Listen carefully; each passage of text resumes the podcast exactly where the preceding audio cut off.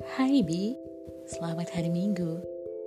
Hari ini, tepat 8 tahun yang lalu, kita pernah bermimpi bersama. Ya, suatu hari nanti, kita harus punya rumah di Jogja. Sebuah mimpi sederhana yang begitu teramat. Aku tak bisa melupakannya, Bi. Kamu tahu, aku sedang berada di kota di mana kita pernah bermimpi mewujudkan mimpi yang indah. Ya, Yogyakarta. Setiap sudut Jogja punya cerita tersendiri.